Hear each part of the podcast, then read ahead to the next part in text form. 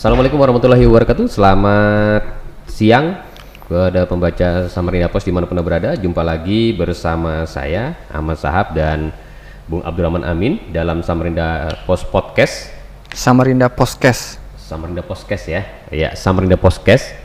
Dan kali ini kita akan mengangkat tema pada edisi Sapos hari Senin lalu 21 Juni yaitu tentang kudeta kudeta terhadap ketua DPRD Kaltim yang notabene adalah anggota Partai Golkar. Ya. Nah, ini menarik ternyata untuk kita coba bahas eh, ada apa sebenarnya di balik itu semua. Nah, sudah sama bersama saya Bung Ahmad Bung Abdurrahman Amin.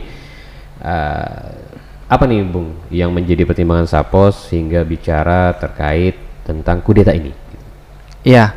Eh, sebenarnya kabar tentang akan dilengserkannya Ketua DPRD Kaltim Pak Makmur HPK ini sudah terembus sejak beberapa bulan lalu. Mm-hmm. Cuman saat itu kan masih apa kabar-kabar burung gitu nah. Mm-hmm. Tapi melihat dari struktur kepemimpinan kepengurusan Golkar Kaltim hari ini Mm-hmm. sebenarnya sinyalemen itu udah terbaca. Mm-hmm. Nah, namun eh, sejak Sabtu akhir pekan yang lalu sekitar tanggal 21 20, 19 Juni Jauh sebenarnya. akhirnya eh, viral itu surat DPP Golkar yang sudah ditandatangani Ketua DPP Golkar Pak Erlangga Hartarto dan Sekretaris DPP Golkar terkait penyetu- penyetujuan pergantian Ketua DPRD Kaltim Bapak Makmur HPK ke Hasanuddin Masud Mm-mm. seperti itu. Mm-mm. Itu akhirnya kenapa kemudian di hari Senin Samarinda Pos itu memilih itu isu ya? itu menjadi headline atau tajuk utama kami. Mm. Nah, eh, kalau dilihat dari sudut mata politis, apakah ini juga berdampak pada iklim politik di Kaltim? Ya sangat berdampak karena sampai sejauh ini kami dari teman-teman jurnalis khususnya di Samarinda Pos itu belum menemukan alasan yang rasional bagi DPD Golkar Kaltim untuk melakukan reposisi terhadap Pak Makmur HPK. Padahal kita tahu bersama Pak Makmur HPK ini termasuk senior di Golkar Kaltim, memiliki track record di dunia politik, di dunia birokrat yang cukup mumpuni Mm. tiba-tiba di pertengahan masa kepemimpinan beliau ternyata beliau dilengserkan. Mm. Mm. Nah ini yang perlu kita Perjelas eh, ya. perjelas juga.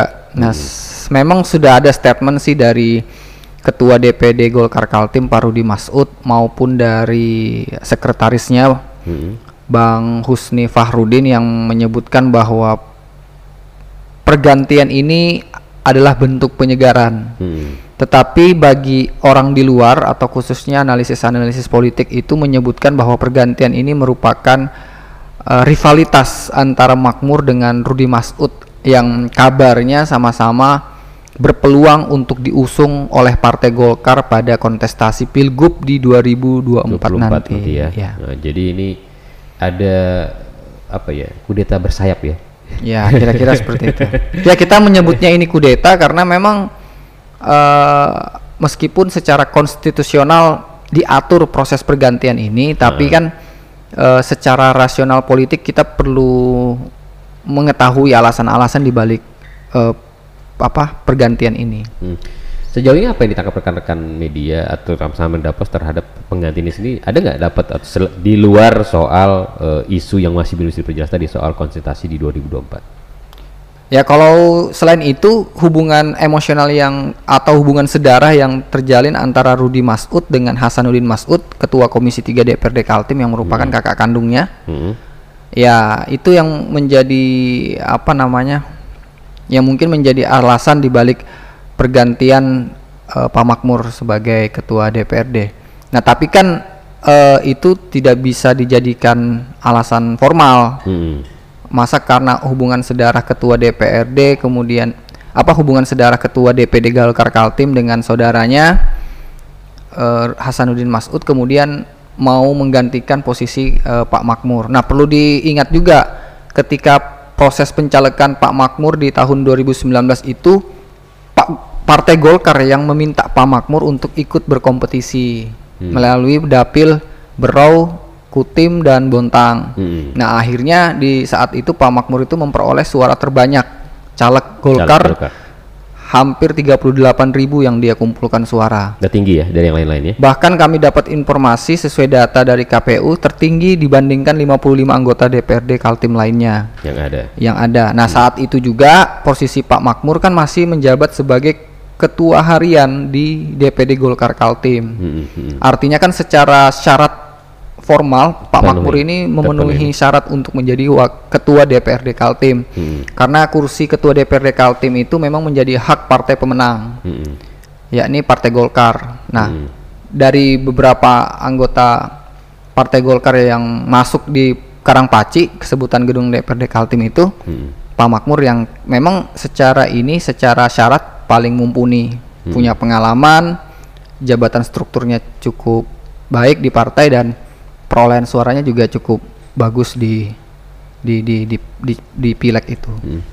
Kalau menurut aturan partai sendiri ya setahu ini setahu dari teman-teman apakah memang diperkenankan melakukan itu? Setahu saya gitu ya. Waktu di Golkar ini pernah melakukan hal yang sama adanya penggantian ketua tetapi kan juga alasannya bukan dari faktor internal. Iya. Justru dari faktor eksternal. Iya. Misalnya ketika Pak almarhum Soehartono Sucipto menjadi ketua DPRD Kaltim pada saat itu Iya. beliau itu kan eh, dilengserkan saat itu karena memang ada kepercayaan masih tidak percaya dari Iya, dari- sesama kolega-koleganya di DPRD Kaltim. Nah, kalau sementara ini kan sejauh ini berdasarkan catatan nih Pak Makmur kan dianggap politisi yang piawai, artinya Hmm. mampu mengolah eh, Karangpaci itu menjadi Cukup stabil. Stabil lah. Nah, kan kalau kalau ini kira-kira seperti apa? Ya itu justru mengapa isu ini menjadi sangat penting untuk diketahui masyarakat. Hmm. Di tahun 2005 itu memang eh, hampir sama kejadiannya Pak Soehartono Sucipto yang juga eh, berasal dari Berau, kader Golkar senior, kemudian ditunjuk sebagai ketua DPRD Kaltim. Hmm. Dalam proses perjalanannya eh, terjadi dinamika politik di Karangpaci. Nah saat itu kan alasan-alasan yang diangkat meskipun berbau politis, tapi secara logika formal bisa diterima. Hmm. Karena memang ada gerakan mosi tidak percaya yang diusung 45 anggota DPRD Ketika Kaltim itu. saat itu. Hmm. Saat itu kan masih 45 orang 45, anggota betul. DPRD Kaltim. Nah, akhirnya lewat pergolakan-pergolakan politik Pak Suhartono Sucipto digantikan oleh koleganya Pak Herlan Agus Salim. Hmm. Nah, secara pandangan di saat itu ya kita semuanya bisa menerima. Menerima itu ya. Berarti ada dinamika politik. Alasannya logis gitu ya. Ah, Logis meskipun semuanya bisa dipolitisasi ya. Iya, betul. Tetapi dalam kasus Pak Makmur ini justru kita tidak menemukan alasan-alasan logis itu. Kayak petis Nah. yang bolong berarti ya. Tiba-tiba Iya bolong. gitu. betul tiba-tiba langsung tiba-tiba diganti gitu. Ya. Meskipun isu-isu ini sebenarnya sudah lama karena eh, merujuk dari surat yang ditayang dilayangkan oleh DPR DPD Golkar Kaltim pada bulan Maret. Artinya tiga bulan setelah itu baru disetujui atau diproses oleh DPP Golkar Kaltim. Kami sih memandangnya surat ini sudah dilayangkan sejak Maret oleh DPD Golkar Kaltim. Saat itu sudah dijabat oleh Ketua Pak Rudi Masud. Artinya selama tiga bulan ini mungkin terjadi pergolakan sebenarnya di internal DPP Golkar. Apakah menyetujui usulan dari DPD Golkar Kaltim ini atau tidak seperti itu? Ya. K- Kalau merujuk pada pernyataan eh, Anda tadi, Bung, bahwasanya kan Golkar ini adalah salah satu partai yang sangat tua ya. Iya. Kemudian juga sangat matang berpolitik. Nah, eh, kalau dengan cara-cara seperti ini, cara-cara instan, kemudian juga hanya kalau memang betul memang berdasarkan ada rasa ikatan emosional ke keluarga tali pertalian darah sehingga melakukan melakukan pergantian. Ini kan berarti bisa dikatakan sebagai kemudahan nggak sih buat Golkar Kaltim terutama ya Kaltim ya saya bicaranya. Iya, eh, Golkar memang dikenal sebagai partai kader, artinya tidak dimiliki oleh salah satu tokoh se- beda dengan partai-partai yang lain, Mm-mm. yang mana ketua umumnya itu bisanya biasanya sangat berpengaruh terhadap keputusan-keputusan partai. Nah, dinamika yang terjadi di Partai Golkar sejak zaman Orde Baru sampai sekarang kan kita ketahui cukup cukup dinamis, Mm-mm. sehingga ketika eh, kejadian ini muncul.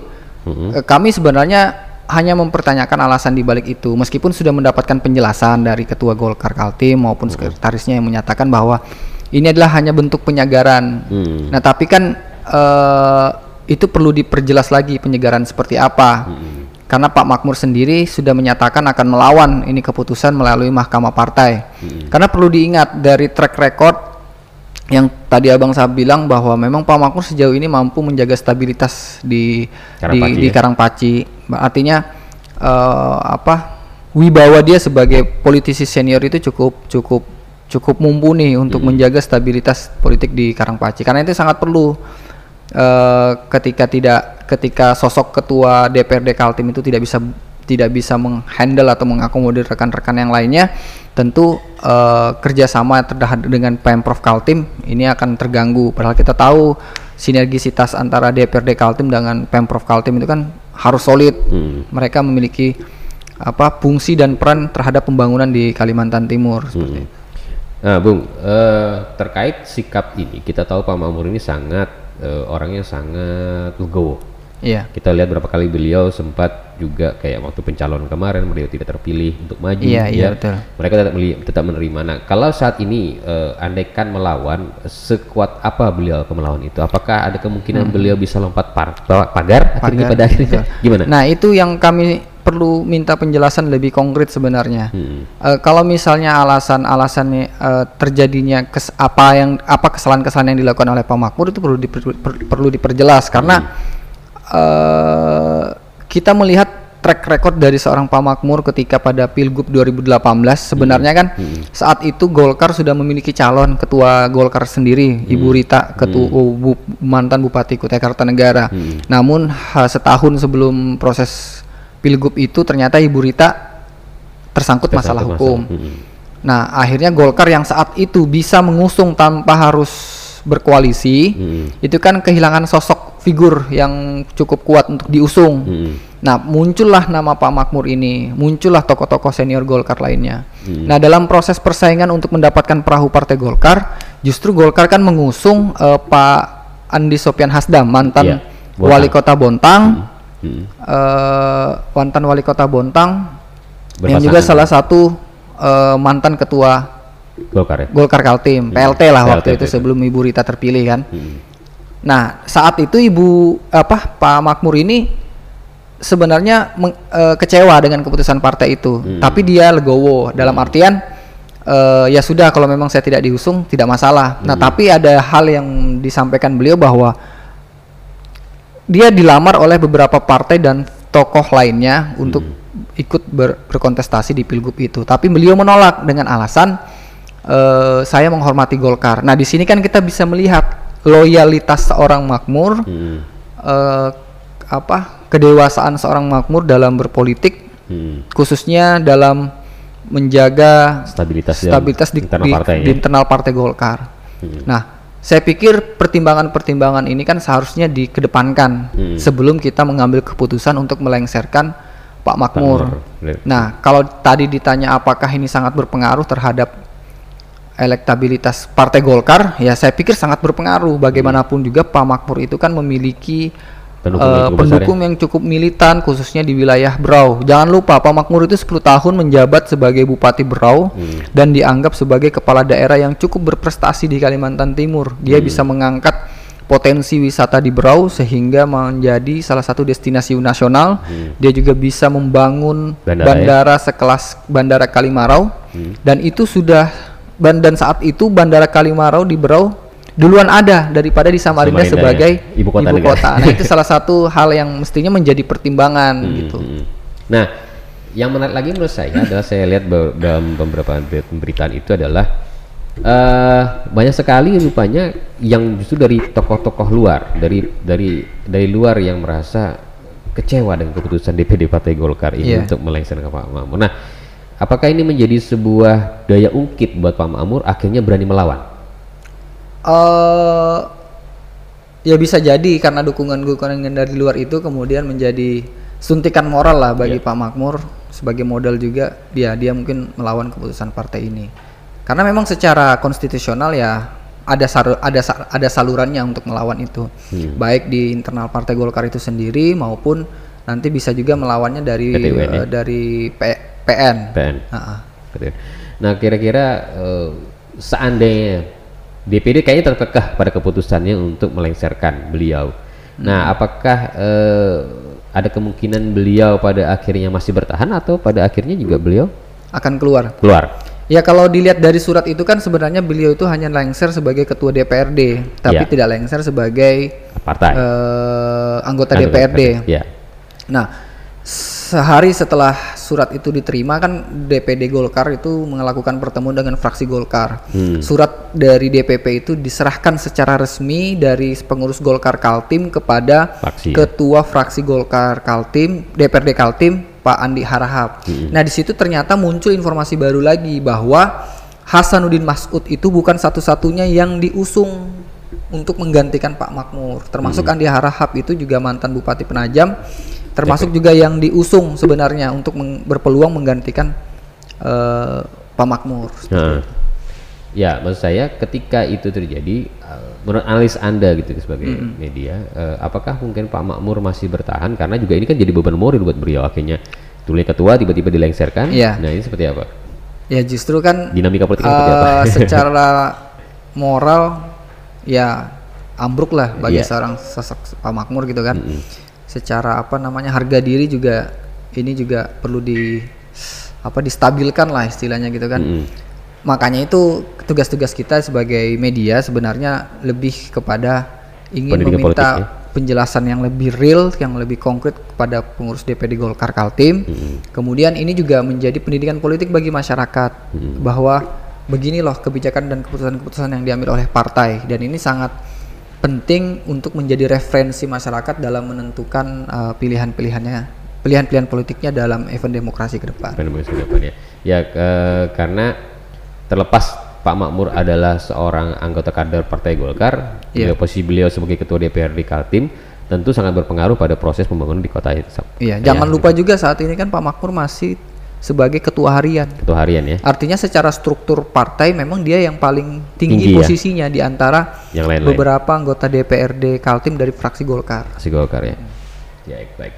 Kira-kira eh, kalau anda membaca ini arahnya nanti sampai ke mana selesainya? Apakah ini akan selesai dengan damai ataukah justru pada saatnya nanti eh, akan masih berkonflik terus sampai Iya, kalau kita lihat pengalaman-pengalaman sebelumnya, proses pergantian ketua DPRD khususnya di Kalimantan Timur ini sudah banyak terjadi. Mm, mm, mm. Eh, khususnya di Karangpaci itu kan seperti contoh tadi dari Pak Suhartono Sucipto ke Pak Herlan Agus Salim. Tapi di tingkat kabupaten kota di Kaltim itu juga banyak. banyak terjadi ya? Ada yang berhasil dan ada yang tidak berhasil. Mm, Tapi biasanya yang berhasil itu dengan alasan-alasan yang memang sudah sangat kuat ya? kuat. Misalnya seperti di Kutim Hmm. ketika eh, Ibu Encek Vergasari itu m- istri Bupati Kutim eh, Ismunandar yang terjerat hukum, Hmm. yang posisinya sebagai ketua DPRD Kutim, Hmm. ya akhirnya mau tidak mau kan pasti lengser, dilangs- digantikan oleh kader lainnya. Hmm.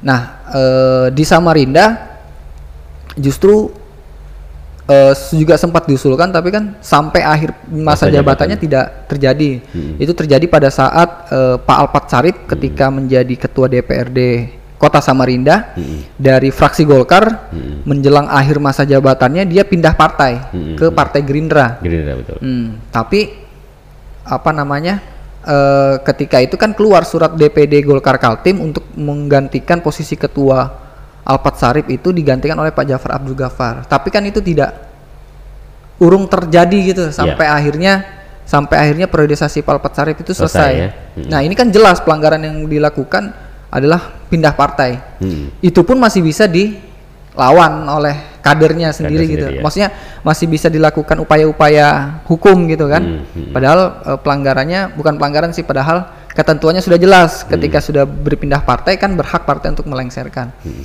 Nah, apalagi bagi seorang makmur yang secara alasan tidak bisa sampai saat ini belum kita temukan alasan-alasan ya? yang konkret atau yang rasional untuk diganti. Ya, luar biasa obrolan kita hari ini. Siang hari ini, Bung Rahman, mudah-mudahan ini jadi pencerahan masyarakat bagaimana kita iklim demokrasi dan perpolitikan di Bumi Etam. Siap. Dan kita berharap juga eh, sengkarut ini bisa segera tuntas Iya. dan ada kejelasan.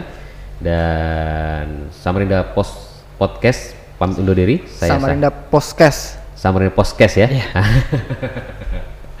Samarinda Podcast pamit undur diri. Eh, saya Ahmad Sahab Dan saya. Abdurrahman Dan Amin. Abdurrahman Amin pamit undur diri. Wassalamualaikum warahmatullahi wabarakatuh. Waalaikumsalam.